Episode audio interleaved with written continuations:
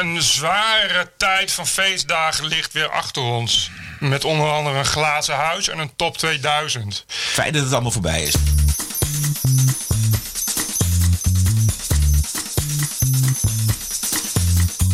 This is the TPO podcast. Ranting and Reason. With Bert Brusson and Roderick Phalo. Er gebeuren dingen in Iran. Oorverdovend is de stilte van Europese politici erover. Maar de Amerikaanse president maakt van zijn hart nooit een moordkuil. Will the Iranian people return to the nation's proud roots as a center of civilization, culture, and wealth, where their people can be happy and prosperous once again? En verder de Nederlandse radioprijs voor Adam Curry. Prijswinnares Gloria Wekker, die doet eh, de correspondent. Een genderneutrale Jezus in Zweden. Bonusquote van de voormalige chef UFO's van het Pentagon. En dit is de eerste aflevering van het nieuwe jaar. Aflevering nummer 48. This is the TPO podcast. Zo Bert, ik zag dat jij Joep van het Hek had gezien. Ja, ik vond het fantastisch. Ik vind dat Joep van der Hek zich uh, zeker de laatste 15 jaar enorm heeft vernieuwd. En uh, is echt een, uh, nog altijd een vernieuwende grappenmaker die ja, toch, mag je wel zeggen, het cabaret elke keer weer een grote boost geeft door echt uit de veilige comfortzone te kruipen. En aan de rand van de afgrond de leukste bloemetjes te plukken. Dat is toch echt dat je denkt van oei, dit is vlijm en vlijmscherp Joep. Dit, is, dit zou je niet zomaar bij Genieten. andere cabaretiers horen. Ja, was weer echt genieten. Genieten tot en met. Oké, goed, laten we meteen uh, beginnen met het uh, belangrijkste nieuws. Er gebeuren dingen in Iran. En dat klinkt zo.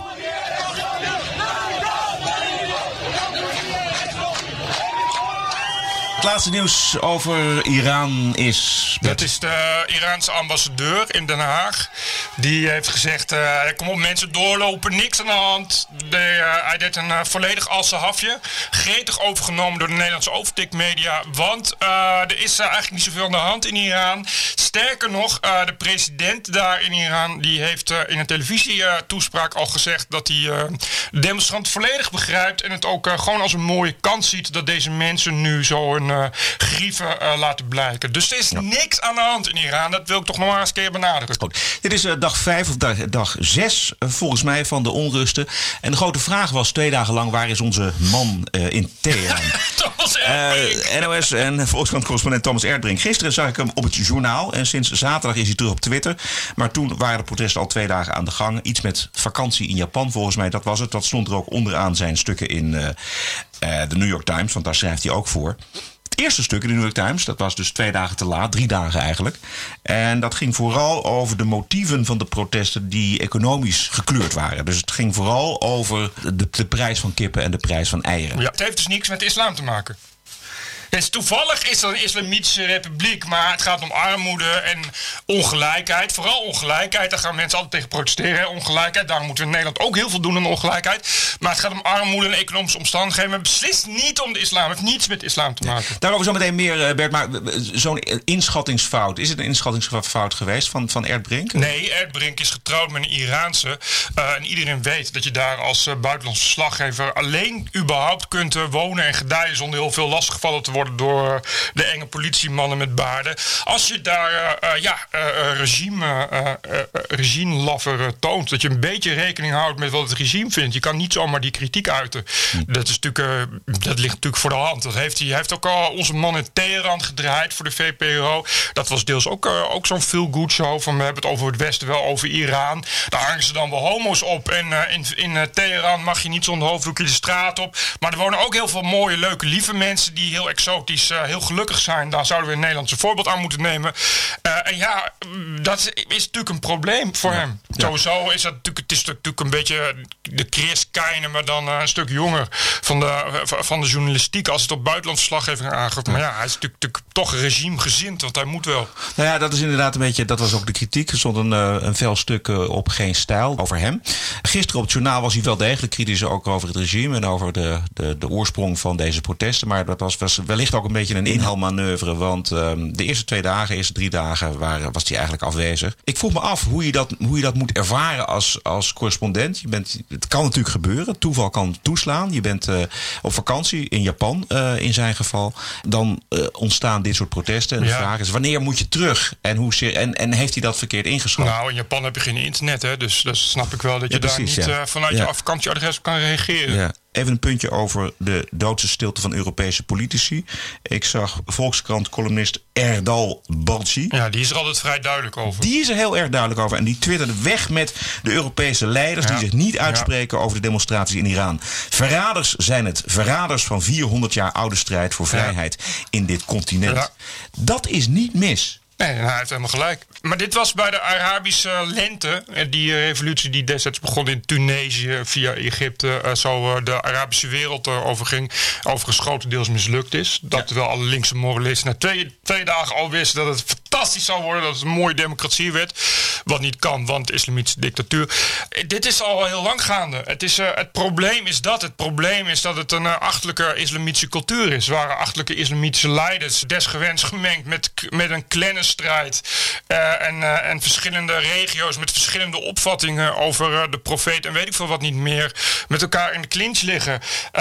En dat, dat wordt de hele tijd niet genoemd. Weet je, dat is, ook, dat is destijds in Libië net zo gegaan. Nou, als ze nou eh, eh, Gaddafi maar doodschieten, dan is het allemaal koekenij. Ja, dat, terwijl iedereen wist van tevoren al, dat wordt een puinhoop. Net, als, net als we in Irak natuurlijk al nog steeds zien, wat toch al heel lang geleden is, dat Saddam Hussein eh, omver werd geduwd. Het is nog steeds één grote puinhoop. Maar volgens mij moeten we ook niet het hele Midden-Oosten over één kam scheren. We hebben gezien voor 1979, voordat de Khomeini de macht greep in Iran, dat Ja, Iran een hele moderne natie was. Omdat het, omdat het Perzië is, niet het Midden-Oosten. Het zijn ook dus ook Shiiten. Het enige Shiïtische land ter wereld.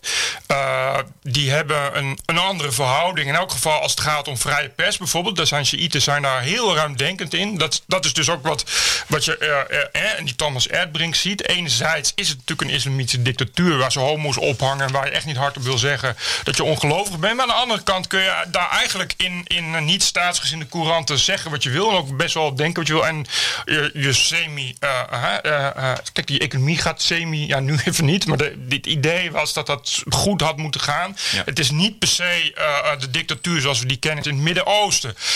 Het was voordat die, eh, die eh, Ayatollah, dat was natuurlijk, natuurlijk eh, eh, hartstikke westers. Daar zie je nu ook de beelden van. Daar heb je toch over vrouwen eh, in minirokjes. En eh, ja, het was natuurlijk, natuurlijk een, een, eh, een hotspot voor de, voor de hele wereld. Een cosmopolitische, eh Ja. westers gezinde samenleving. Maar goed, er is ook een westers gezinde Shah. Ja. Die eveneens eh, zijn criticas eh, martelde Nou, en in kerkers zeggen. Dus wat dat betreft... Ja. Eh, wat je altijd ziet bij dit soort eh, revoluties misschien wel, maar in ieder geval bij dit soort opstanden, is dat het altijd gaat om in eerste instantie de prijs van brood, of de prijs van eieren, of de prijs van kippen, of iets dergelijks. Maar daaronder zit natuurlijk heel veel onvrede. En wat ik zelf, ehm, en met mij denk ik jij ook, en heel veel andere mensen ook heel erg mooi vinden, zijn natuurlijk de beelden van die vrouw die daar met haar sluier op dat stokje staat te zwaaien. Ja, ja, en ja. onder haar door eh, lopen politieagenten die haar normaal gesproken zouden arresteren. Omdat dit eh, Ja. streng verboden is in. Iran. Maar eh, inmiddels eh, niet meer. Eh, de vrijheid van vrouwen om een hoofddoek of een hijab te dragen of niet. De Iraanse activiste Daria Safai. The philosophy behind the hijab or veil, which is based on theology, deprives women of their rights and freedom and makes them dependent of the man, who should give his permission for every single thing. It is not about rights, but about duties. Er zijn natuurlijk twee landen die garen spinnen bij dit soort protesten en bij een mogelijke verandering van het regime in Iran. Dat is natuurlijk Israël en Amerika. Nou, Donald Trump hebben we gehoord aan het begin van deze podcast. Laten we even luisteren naar eh, Netanyahu. Waar zit hij? Hier. Brave Iranians are pouring into the streets. They seek freedom. They seek justice. They seek the basic liberties that have been denied to them for decades. Sadly, many European governments watch in silence as heroic young Iranians are beaten in the streets. That's just not right.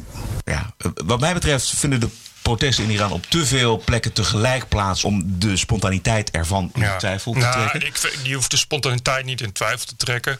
Vind ik wel erg eh eh, conspiracy. Maar je, je kan, ik vind wel, kijk, dat hebben we natuurlijk ook bij, bij Irak destijds gezien. Het is natuurlijk altijd meer dan alleen maar puur de liefde voor vrijheid of de vrijheid van mensen. Natuurlijk zit daar een agenda achter. Eh, en natuurlijk is, eh, is de CIA in dat soort landen actief. Dus ik bedoel, weet je, ik denk inderdaad dat die protesten in Iran, dat zullen, dat zal alle zijn oprechte protesten. En het is inderdaad iets te veel en iets te spontaan. Maar het zou mij niks verbazen als daar. eh, natuurlijk spelen die, zeker Israël, wat er natuurlijk ook vlakbij ligt. En die daar, die daar nog meer belang bij hebben dan Amerika.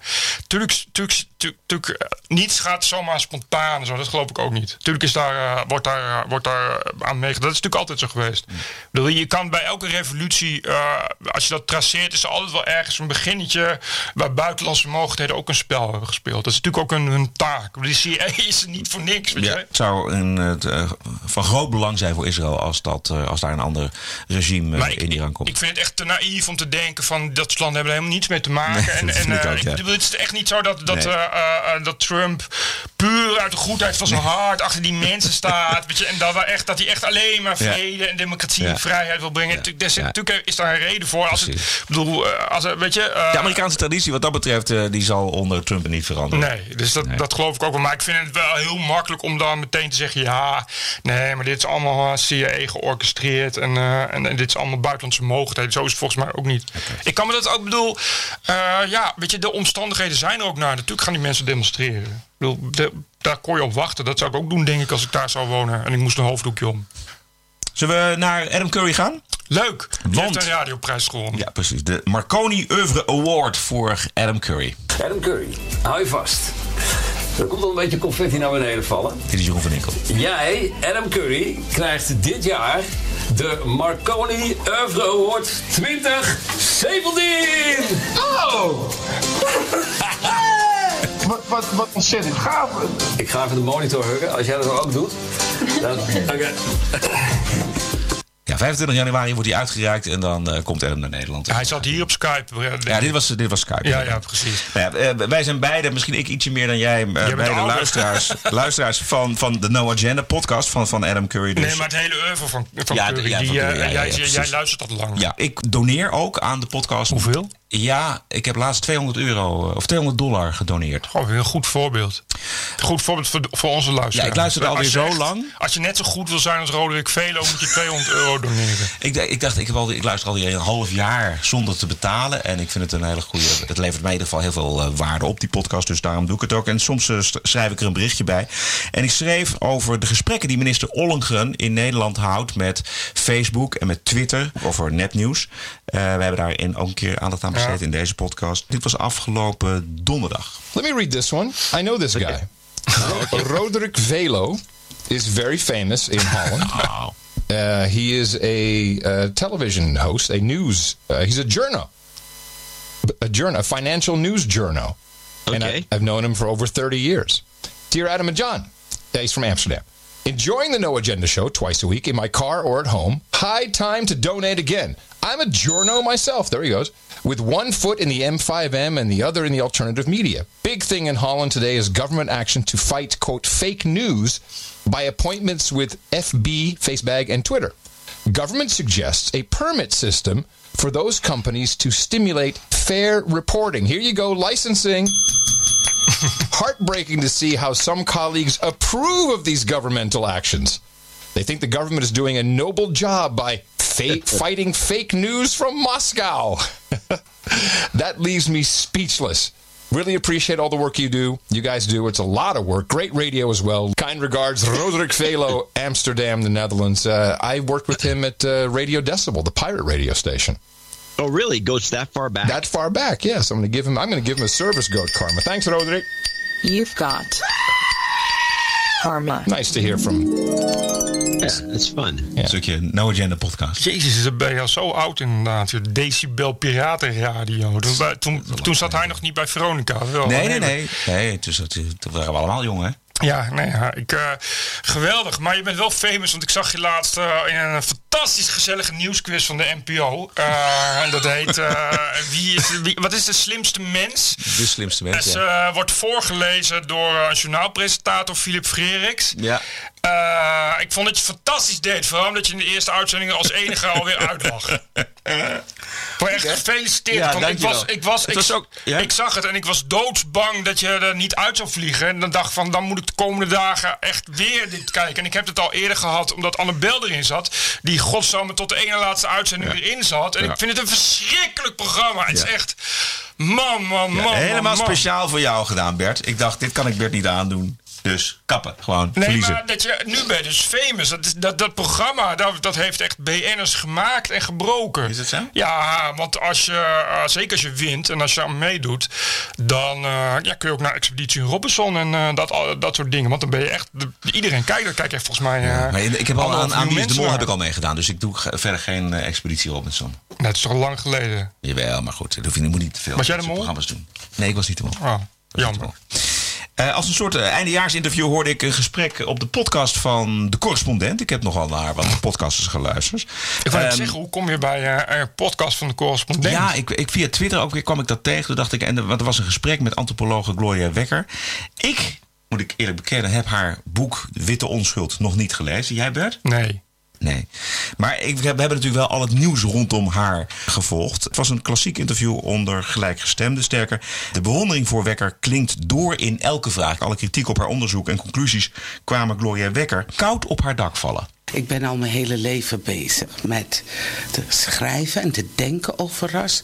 Ik heb over andere onderwerpen geschreven. Daar eh, heb ik, eh, ben ik eh, voor gehonoreerd eh, met eh, prijzen, Amerikaanse prijzen. En dan zal men mij in Nederland komen vertellen dat ik er niks van kan. Dat ik nergens iets van begrijp. Nou ja, potjandori, ik, de grote gerenommeerde prijswinnaar, kom met mijn even notabene Grote Gloria. in Holland, waar ik zelf ben opgegroeid en woon. Even vertellen, eh, even kritiek uiten. Parbleu, plebs!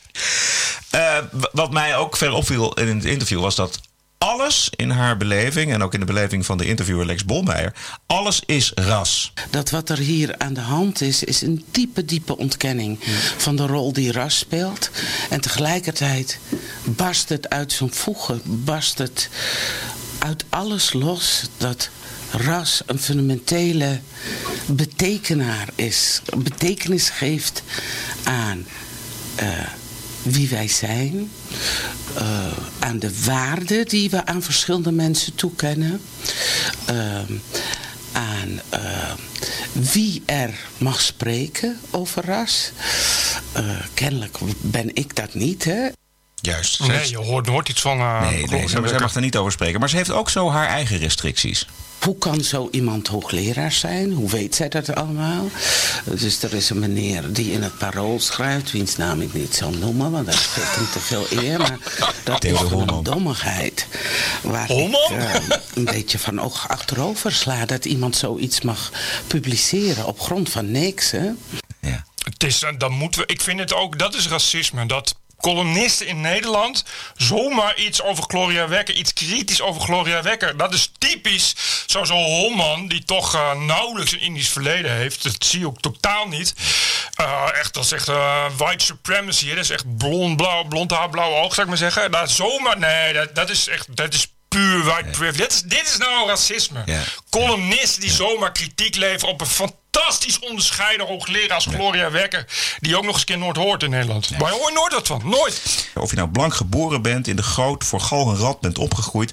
Je houdt altijd een voorsprong op mensen van kleur. Er is heel erg de neiging om te zeggen van... ja, maar mijn ouders, dat waren arme keuterboeren in Drenthe in de vorige eeuw. Eh, Ik heb het toch ook niet goed gehad of zo, hè? Ik heb het even slecht gehad als die inlanders daar of, of eh, de mensen... Dus het gaat niet over mij, is dan de reactie. Ja, maar was het maar zo gemakkelijk? Want je hebt wel deel gehad aan wat er allemaal met dat geld dat uit die koloniën gekomen is, dat dat hier naartoe gekomen is. En dat dat eh, eh, allerlei dingen tot stand gebracht heeft in Nederland. Een infrastructuur, huizen, industrieën, spoorwegen. Je hebt je werkgelegenheid eraan te danken. Maar wat je er met name aan te danken hebt... en misschien vind je dat ongrijpbaar, maar dat vind ik tamelijk... Uh, maar, uh, ja, iets materieels hebben. Een goed gevoel over jezelf. Namelijk, ik, whatever... Ik mag nog van zo eenvoudige afkomst zijn met keuterboeren in mijn uh, geschiedenis. Je hebt wel een goed gevoel over jezelf meegekregen. Jij kan worden wat je wil worden. Uh, je hebt allerlei cultureel kapitaal tot je beschikking... wat jou afzet tot anderen van kleur die dat niet hebben. Heb je? Uh, nee, ik... Begrijp je niet, Bert? Uh, Dit begrijp je toch wel? Dit is wel, uh, die, die interview is al verdomd kritisch trouwens. Ik, echt, uh, ik begrijp wel een beetje dat zo praat. Want als je de hele tijd zo onder vuur wordt uh, genomen door zo'n door zo'n kritische, de correspondent-interviewer. Dat zal wel transgender zijn, of niet? Ja, weet, weet ik niet. Uh, de, de, interviewer is Lex Bolmeijer. En, oh, dat klinkt niet transgender. Dat klinkt heeft... als Nederlands, blank en man. Ja. Dat dat dan, die wekker daar dan nee, toch maar nog hij gaat heeft, zitten. Ja, maar hij heeft zichzelf inmiddels aangepast. Fortuin. Die zich uitspreekt over de achterlijkheid van de islam. Terecht. En tegelijkertijd te kennen geeft dat hij het seksueel buitengewoon aantrekkelijk vindt om met jongens, uh, moslimjongeren, jongens, uh, seks te hebben. En zegt dat is koloniaal. Ik, oh, wacht even. Ja, zo kun je er naar kijken. Ja, ja ik, uh, ik verbaasde me ja. heel erg bij alles wat er over uh, Fortuin gepubliceerd is... dat deze uitspraak van hem nooit tegen het licht gehouden is. Wat, wat betekent dat nou? Als iemand dat zegt. Ik kon dat niet rijmen met elkaar. En het schokkende is dat die man die op, op het punt stond premier te worden... althans, dat, dat was een mogelijkheid... dat hij in zijn uitlatingen um, getuigt van een schema... wat je dus echt racistisch koloniaal moet noemen. Tegenover ja. in dit geval dan uh, moslimjongens. Ja. En, en, beschikbare, hij had het bijna over hun beschikbare lichaam. Ja, ja. Dus dat... Um, dat vind ik onheilspellend. Hey, deze jongen Lex of Volkert? Ik, je hoort toch een beetje, als het nu, dat ja, verbaast precies. mij, als ja. je nu de uitspraak van deze Lex tegen het licht houdt, uh, dan hoor je toch een beetje in doorklinken dat hij eigenlijk alsnog naar het Mediapark in Hilversum wil om zelf de ja. trekker over te halen. Ja. Dat je gewoon toch nog meer dan 15 jaar na de moord Fortuyn toch nog even erin weet te frommelen dat het een gemene racist was. Omdat hij, die heeft ook Fortuyn nooit gezegd, dat is echt nepnieuws, uh, dat hij met islamitische jongens, maar Marokkaanse jongens. De niet-islamitische nee. jongens, Marokkaanse ja. jongens. Dus ja. jongens, donker gekleurde jongens ja. met krulhaar en zwarte en donkere ogen. Dit is de glijbaan waar je uitkomt in de, in, in de wereld van Gloria Wekker. Ik vind het meer een vrije val. Wekker die heeft niet heel veel op met objectiviteit. Hè, als uitgangspunt van de wetenschap. Nee, dat is terecht. Um, en, je zal maar wetenschappen zijn ook objectief. En Wekker die bekent dus, tot schrik van Bolmeijer... dat ze toch wel degelijk activist is. Want ik vind uh, activist geen scheldwoord. Nee, ik ook niet. Nee, ik denk ik, dat we er meer nodig hebben. Ja, ja, ja zeker. Ja. Want ik, ik vind wat betreft wetenschap... Uh, natuurlijk ben ik een wetenschapper... Um, maar ik doe het wel ergens voor. Ik wil dat er verandering komt. Uh, ik, ik wil de werkelijkheid begrijpen. Um, en interpreteren. Maar ik wil ook dat die verandert. Dus in die zin beschouw ik me wel als uh, activist. Nou, dat is mooi. Dat vind ik ook. Uh, dat en dat vond Fortuyn ook. En dat vinden Wilders en Baudet ook. Dus wat is nu precies het probleem? Wekker en uh, uh, Lex. Ik vind het toch inderdaad goed dat dit soort mensen er zijn. Je kan hier dit toch niet genoeg tegen het licht houden. Dit soort kritische nieuwe journalistieke interviews. Ik vind dit echt een enorm fijne bijdrage van de correspondent. Goed dat 60.000 mensen hier een uh, abonnee geld voor betalen. Dat dit soort zeer, zeer, zeer kritische interviews eindelijk ook eens een keer gehoord worden. Want anders hoor je dit totaal niet in de media. Je kan gewoon niet ook uh, als journalist en interviewer genoeg in de kont kruipen van iedereen die zichzelf maar genoeg slachtoffer vindt, is het wel. Laten we even luisteren nog tot slot naar de gezamenlijke conclusie van uh, Bolmeijer en Wekker. We moeten ons de hele dag bewust zijn van onze kleur en van de kleur van anderen. Maar we mogen daar verder geen betekenis aan geven.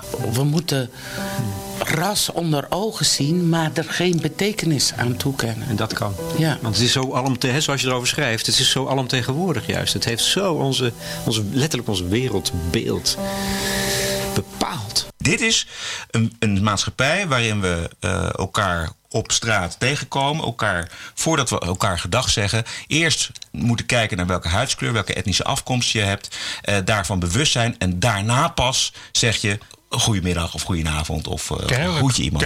Ja. Dus je wordt, uh, op deze manier krijg je een racistische samenleving. Het is nog veel erger. Je moet niet alleen daar naar kijken. Je moet ook uh, eerst denken, ik ben wit. Niet blank. Blank is ook fout. Ik ben wit.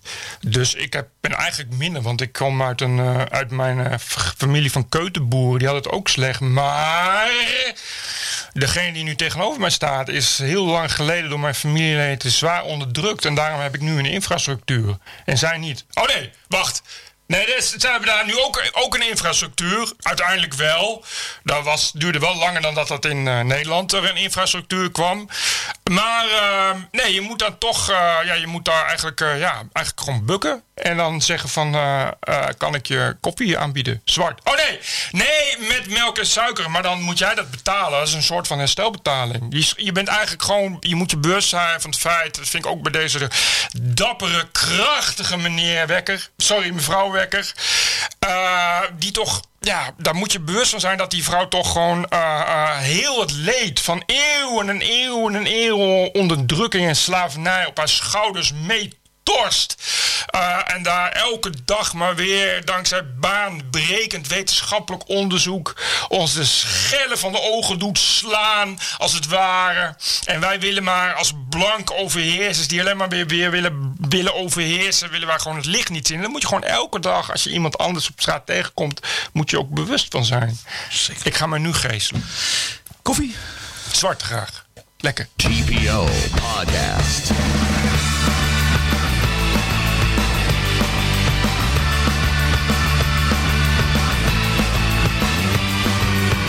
Ranting and Reason.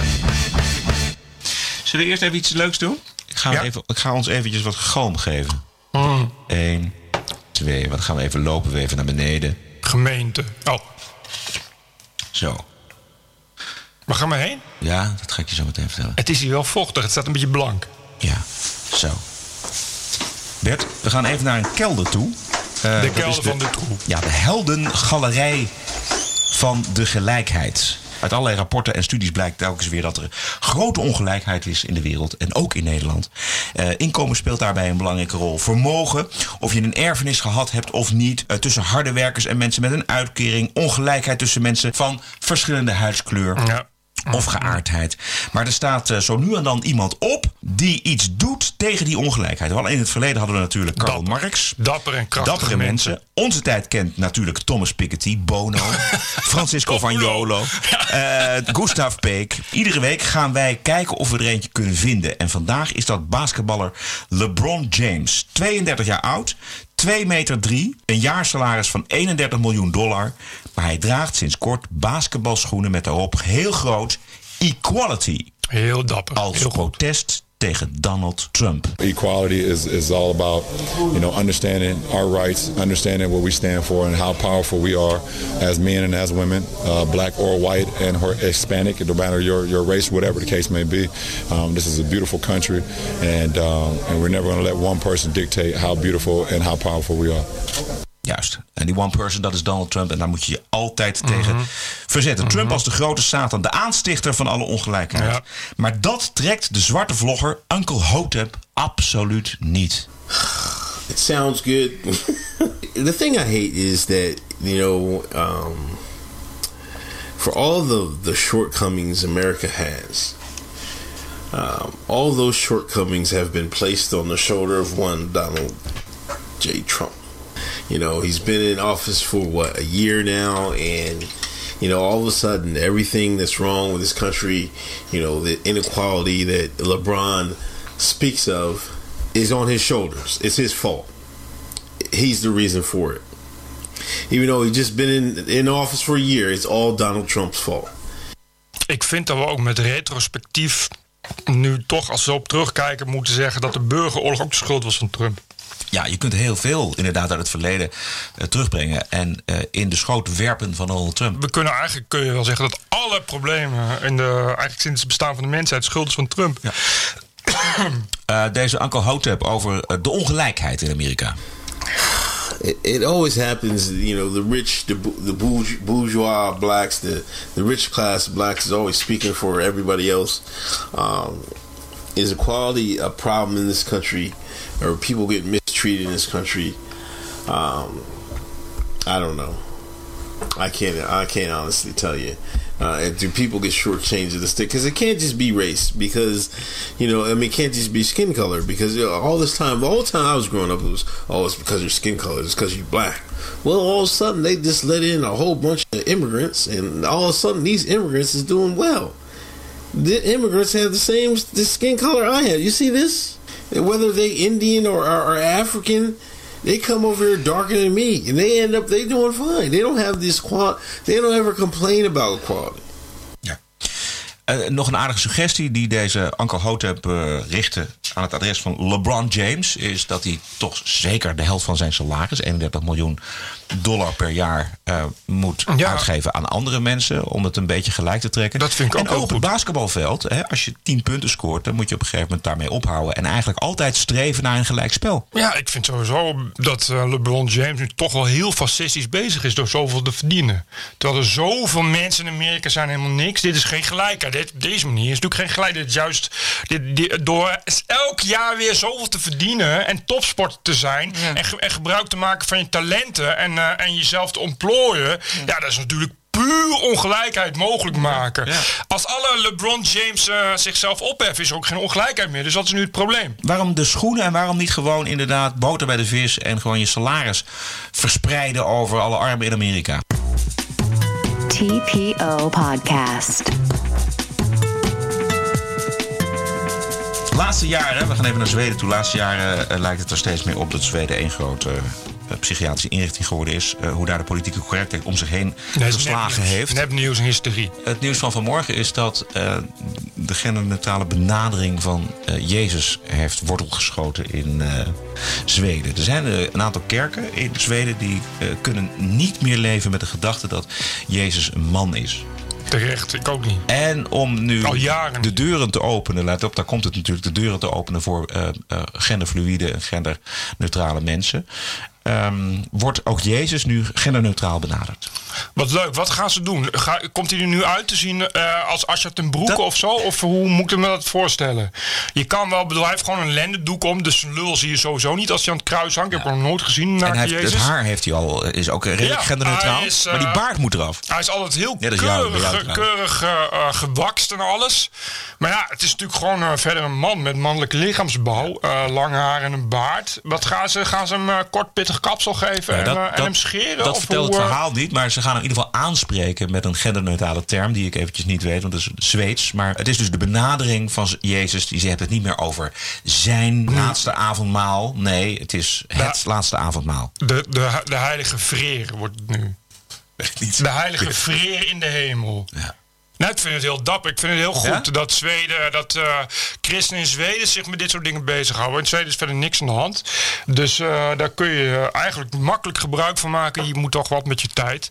Misschien kunnen ze ook, en dat ze heel, misschien gaat het wel heel ver hoor, maar uh, zich nou, een beetje bezighouden met de steeds maar groeiende moslimpopulatie in Zweden. Ik denk dat die ook toch wel een beetje zitten te wachten op wat, ja, wat gendergelijkheid. Dat is typisch voor islam. Daar zijn ze echt heel matig zijn ze daarin. In uh, man-vrouw onderscheid. Dus daar zullen, daar zullen ze. Misschien is dat wel wat voor uh, Zweedse moskeeën ook. Ja. Om een beetje meer aan, aan gendergelijkheid te doen. Ja, Het zou leuk zijn als de Zweedse christenen zich een beetje hun hand uitstrekken. Als ware Jezus zelf. Uh, en dan ook de moslimpopulatie ja. een beetje onder hun hoede nemen. Als het gaat om het gendergelijkheid debat. Ja, zo'n voorstel. Bijna toe aan de bonusquote, eh, Bert. Maar je had nog wat andere dingen die je graag wilde bespreken. Onder andere Duitsland. Nou ja, dat heb ik al eh, even genoemd. Maar eh, in Duitsland is sinds 1 januari de officiële censuurwet voor Facebook en Twitter van kracht Sinds gegaan. gisteren dus, Sinds ja. gisteren. Dat betekent dat als Facebook een klacht krijgt, en dat kunnen mensen zelf natuurlijk indienen. Ik bedoel, we moeten niet willen dat het in het openbaar wordt behandeld door een rechter, maar gewoon via anonieme klikkers. Als Facebook een klacht krijgt waaruit er blijkt dat er iets eh, te kwetsends op staat. In de praktijk betekent dit vooral eh, eh, kritiek op eh, het plan Merkel en de massa-immigratie in de islam. Dan eh, moet Facebook dat binnen 24 uur verwijderd hebben. En als ze dat niet hebben verwijderd, dan lopen ze het risico op een boete die kan oplopen tot 50 miljoen euro. Eh, zelfs voor Facebook is dat veel. Eh, Twitter hetzelfde. En eh, ik zag eh, vandaag al dat er eh, eh, eh, uiteraard AFD-politici zijn die nu van zowel Twitter zijn geband als van Facebook. Dus eh, in feite volledig weggecensureerd zijn. Niet meer kunnen deelnemen eh, aan social media om een politieke boodschap te verkondigen. Puur en alleen vanwege het feit, want AFD, dat ze inderdaad eh, ja, kritiek op de islam hebben geleverd. Eh, dus Twitter, in dit geval Twitter, eh, sorteert eigenlijk voor op een mogelijke sanctie van 50 miljoen van eh, de Duitse overheid. Dus uit een soort van voorzorg eh, sluiten ze dit soort accounts af. Dit is, het is dus echt ook echt de facto overheidscensuur. Het is dus niet zo dat Facebook en Twitter zeggen van nou wij hebben een policy. Dat Facebook en Twitter zeggen wij vinden het best. Maar ja, de overheid dwingt ons hiertoe. Want ja, ik bedoel, kijk, dat is, het is natuurlijk ook heel, eh, wat dat betreft, heel verneukeratief gedaan. Als je maar, eh, je, kijk, ze zijn natuurlijk eerst om tafel gaan zitten van, goh, kunnen we nou toch het vreselijke nepnieuws lezen, al die kritiek op de massa-immigratie bestrijden. Want dat was natuurlijk een probleem. Zeker toen in 2015 eh, een miljoen vluchtelingen naar Duitsland kwamen onder het motto van We schaffen das. Op Facebook en Twitter deden de Duitsers niets anders dan vertellen dat ze het daar niet mee eens waren. En dat uh, tastte het draagvlak onder de bevolking aan. Dus dat wilde Merkel niet meer. Waarop ze met Facebook en Twitter zijn gaan praten. Zeiden van, goh, eh, ja, jullie zijn wel groot en machtig. Iedereen gebruikt jullie. En gebruiken jullie nu zomaar als open platform om een mening te geven die ons niet bevalt. Wat kunnen we daaraan doen? Waarop Facebook en Twitter zeiden niets. Dat is een beetje het hele idee van ons platform. Waarop de overheid zei, oké, dan gaan we dat anders doen. Dan gaan we uh, ervoor zorgen dat als er dingen worden gezegd waar wij het niet mee eens zijn, dat jullie die weg moeten halen. Dat valt dan onder onze wet. Ja, en daarbij- Facebook en Twitter kunnen daar natuurlijk niks aan doen. Ja, daarbij moet wel aangetekend worden dat de grondwet in Duitsland een veel strenger is op dit gebied dan bijvoorbeeld in Nederland de rest van Europa. Dat vond ik ook fascinerend. Dat uitgerekend in Duitsland, waar ze inderdaad sinds de oorlog de grondwetten eh, hevig hebben aangepast om juist dit soort dingen te voorkomen, is het inderdaad, eh, ik zou haast zeggen, bij nacht en nebel eh, doorgevoerd. Ja. Door, Nou ja, het, het, het- aan de ene kant hebben we natuurlijk de, inderdaad de censuur. Maar aan de andere kant is er ook dus de angst voor hetsen, voor Ja. eh, Ja, ja. rechtsextremisme, voor eh, vreemdelingenhaat. En dat staat allemaal in die Duitse grondwet. Kijk gerust rond op Twitter en Facebook. Er zijn heel veel mensen, en het- ik heb het idee soms steeds meer, die gewoon voor dit soort dingen zijn. Die voor dit soort verboden zijn.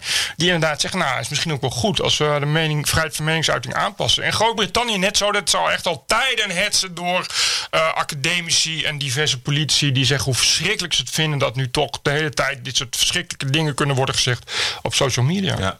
Nou ja, wat jij in het begin zei, je legt het niet in de handen van de rechter, maar je legt het in handen van mensen die iets vinden over een andere, Ja, over ja. andermans tweets. Die, ah, de- die vrouw van de AFD die liet ook zien wat voor bericht ze had gekregen van Facebook. En er stond letterlijk in: je hebt een bericht geplaatst waarvan wij vinden dat het niet gepast is. Dus er, er niet een verdediging en, en verschillende mensen die daar naar kunnen kijken. En een onafhankelijke rechter. Het openbaar is niets. Je weet, gewoon Facebook zegt: wij vinden dit niet gepast, doei. Ja. Gewoon- Dat, gewoon hop, weg. Gewoon, en Er geen enkele mogelijkheid van verweer niks. Ja, dat is natuurlijk, dit is natuurlijk. En ja, ik kan geen grotere bel aan de wortel van serieus vrijheid van meningsuiting voorstellen dan dit. Maar ik, nogmaals, eh, we hebben het ook al, eh, zoals jij in de, bij Adam Curry al eh, schreef. In Nederland is het ook bezig. De strijd tegen nepnieuws is precies hetzelfde. In, in, in Europees verband, de Europese commissarissen willen allemaal precies hetzelfde. Willen allemaal hetzelfde dingen. Dat is dit. Vooral, vooral de, de aanhoudende kritiek op, op immigratie, de aanhoudende kritiek op de islam, de aanhoudende kritiek op Europa, Ja. is, is echt een doorn in het oog. Ja, en die gesprekken tussen minister Ollongren en Facebook en Twitter en sociale media vinden op dit moment plaats. En ik vraag me af of de Tweede Kamer alert genoeg is en wakker genoeg is om daar vragen over te stellen en blijven stellen. Over wat er in die gesprekken wordt afgesproken tussen de minister en de social media bedrijven. Nou, dat zullen ook wel heel transparant en open gesprekken zijn. Dat kan bijna niet anders. Zoals eh, gebruikelijk bij, eh, eh, bij dit soort zaken. Ja, maar daar moet, wij, wij hebben een volksvertegenwoordiging, een parlement Ja. om daar vragen over te stellen. Dat moet Ja, gebeuren. Dat zou je denken. Maar goed, je weet hoe het gaat in de huidige parlement. En volksvertegenwoordiger, de enige die je vragen over gaat stellen zijn Forum voor Democratie in de PVV. Waarop volgens eh, zes weken later een antwoord komt van de minister: nee, weet ik niks van. En dat was het. Ja, ik, ik, heb de, ik, ik maak me helemaal geen illusies. Nee, We is leven in een land waar, waar, waar mensen eh, in meerderheid op D66 hebben gestemd. Dus de heer in, Nee, in- niet de meerderheid. Nou ja, nee, ja, goed, op VVD en CDA, alsof het anders is. Dit is wat mensen willen. Dat bleek laatst ook nog uit het eh, SCP-rapport. of was het... Of Ja. het oh ja. Weet je, daar, waarin mensen zeggen van... ja, ik, ik ben de, de vrijheid van meningsuiting... eh, moet niet ten alle kosten maar worden beschermd. Dit is wat mensen willen. We willen feel good. Er zei Paul Scheffer iets interessants over in het eh, Financieel Dagblad. Ja, in een interview in het FD. Eh, ja, en daarin zegt hij onder andere hoe conflictvermijdend we zijn geworden in Ja. de afgelopen tien Ja. jaar. En conflictvermijdend wil dus zeggen dat je inderdaad eh, zegt van nou liever dan maar even dus de vrijheid van meningsuiting opzij zetten in, voor de goede lieve vrede. En, en mensen realiseren zich helemaal niet wat ze daarmee opzij zetten. Nederland is een land van gezelligheid. Gezelligheid is het ergste woord uit de hele Van Dalen. Maar dat is precies wat Nederland wil. Nou, en dat bereik je door bepaalde dingen eh, ja, niet te willen, niet tegen te houden. Ik vandaag eh, alle kranten die berichten over Iran. Eh, als zijnde eh, sociale of, of eh, economische ongelijkheid. Protest tegen, tegen armoede. Maar het woord islam valt niet één keer. Alsof, isla, alsof Iran ja, een soort seculiere onderdrukking is. Weet je, terwijl die mensen roepen daar dead to, dead to Islamic Republic, dead to Ayatollahs, dead to Khamenei. De- Wat begrijp je daar niet aan als journalist aan? Wat snap je daar dan niet aan? Nee, nee, het is allemaal, allemaal schuld van armoede. Met het woord islam valt gewoon niet eens. Zullen we naar de bo- bonusquote gaan? Ja, ja, doe maar. Dat is, de bonusquote is van een voormalige inlichtingenofficier Louis Elizondo. Hij was de gast bij CNN's Aaron Burnett. Eh, we hebben het eerder gehad over het geld dat de Amerikaanse regering heeft uitgegeven aan onderzoek naar UFO's. En we hebben de beelden laten horen. Hij is de man die bij het Pentagon leiding gaf aan de afdeling UFO's. I know you think that the government didn't take the threat seriously enough. So, so let me just ask you point blank the question: Do you believe that that life from somewhere else, while you ran this program, came here, visited, observed? I will tell you unequivocally that that through the observations, scientific methodologies that were applied to to look at this phenomena, that these aircraft, we'll call them aircraft, are displaying characteristics that are not currently within the U.S. inventory nor in any foreign inventory that, that we are aware of. So I know you're using, uh, you're being clear, but I mean the answer is yes. Um, my personal, I can't speak on behalf of the government. Obviously, I'm, I'm not in the U.S. government anymore. My personal belief is that uh, there is very compelling evidence that we uh, we may not be alone. Ja, dit is CNN, toch? Ja. Dit is gewoon CNN, dus niet... Je, je, kan, CNN, je ja. durft dat ook niet in twijfel te trekken. Want als CNN iets over Trump heeft, is het ook waar. Dus zal dit ook wel waar zijn. En het tweede is het inderdaad gewoon... Een, dit is een, eh, iemand die gewoon voor het Pentagon heeft gewerkt. Wat het Pentagon ook heeft bevestigd. Dat hij daar Hij heeft zegt het nog redelijk voorzichtig, moet ik eerlijk zeggen. Maar Ja, hij het zegt is het wel. duidelijk dat hij, wat hij omvloers probeert te zeggen... is dat hij zegt van ja, ik geloof... Ik weet wel zeker dat dat niet... Eigenlijk zegt hij, het is 100% zeker dat we niet alleen zijn. Dit is, ik vind dit wel, nogmaals, dat heb ik vorige keer ook al gezegd. Dit is gewoon toch best wel groot nieuws. Dit is iemand Ja, die. nou- dit dit ja. is iemand die volgens mij, voor zeker heb meegekregen, niet, niet eh, beschuldigd is door het Pentagon. Van dit is een loose cannon waar, waar, waar wij niet achter staan. Dit is iemand van het Pentagon heeft bevestigd. Ja, dit wat hij vertelt, in elk geval die afdeling bestond. Ja. Is gefinancierd, heeft Ja. hij geleid. Ja. is gewoon iemand van een, van een niet in bed standing. Nee, maar wat is het nieuws? Wat is het grote nieuws? Dat we dus dit soort dingen inderdaad hebben onderzocht. En dat het Pentagon daar bewijs van heeft.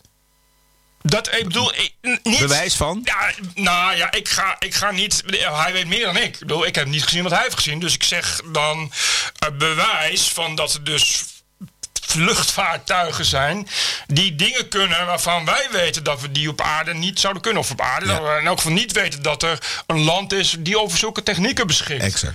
Dat dat dan uh, buitenlands leven is, ligt natuurlijk voor de hand.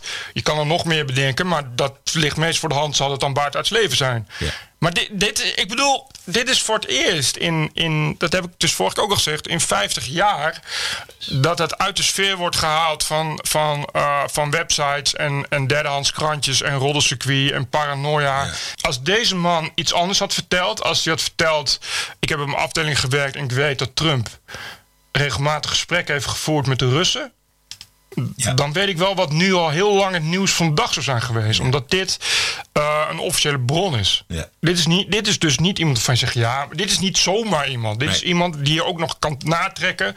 Waarvan ook, wat, echt, wat ik heel wonderbaarlijk vind, dat het, daar, daar is het enige wat ik echt in deze hele uh, UFO-story, uh, enige waar ik van verdenk, waar ik ook Trump van verdenk, is dat ze dit bewust, nieuws nu bewust nu naar buiten te lekken. Waarom? Ja, ja, misschien een afleidingsmanoeuvre. Ik weet niet waar, waar Trump graag van een afleiding... waarschijnlijk nog over, over de case in, uh, in, de, in de belangenverstrenging met Rusland. Of ze bereiden ons voor op nog groter nieuws. Namelijk dat zat ik ook te denken. Ik denk wel van volgens mij... je kan, kan zijn dat ze nu toch... dat het inderdaad zo hoog is opgelopen. Dat, wat hij zegt is natuurlijk... hij is natuurlijk niet de enige die er nee. werkt. En hij verzamelt alleen bewijsmateriaal... wat anderen aanleveren. We hebben vorige keer ook dat fragment gehoord van die F-18-piloten. Ja. Dat is er maar één van velen dat ze daar, uh, want ik begrijp dat hij ook is weggegaan, dat er inderdaad een verschil van mening tussen, tussen de mensen in sites ontstaan hoe, uh, hoe te handelen en hoe, hoe, verder te gaan. Het zal mij niks verbazen dat daar toch inderdaad mensen hebben gezegd van ja, misschien moeten we toch eens langzaamaan gaan zeggen Beetje dat in de we, richt, ja. dat we niet helemaal Maal alleen zijn waarschijnlijk. altijd de waarheid hebben gesproken. Oké, misschien in onze volgende aflevering uh, meer daarover. Tot zover deze aflevering. We gaan aan de slag met de aflevering nummer 49. Waardeert u ons werk aan deze podcast? Dat kunt u dan, uh, die waarde kunt u uitdrukken in een donatie. Ga naar tpo.nl slash podcast. En u ziet hoe u kunt doneren. Dat kan 50 euro zijn, kan 100 euro zijn, kan 200 euro zijn. 2000. Geheel, of 2000. Geheel afhankelijk van de waarde die u aan deze TPO-podcast geeft.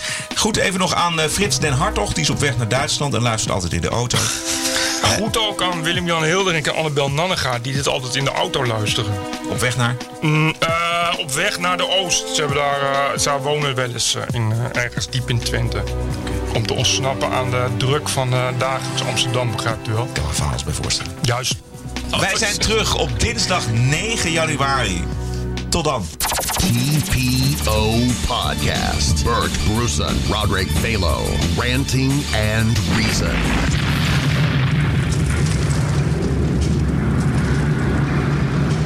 My personal belief is that uh, there is very compelling evidence that we, uh, we may not be alone.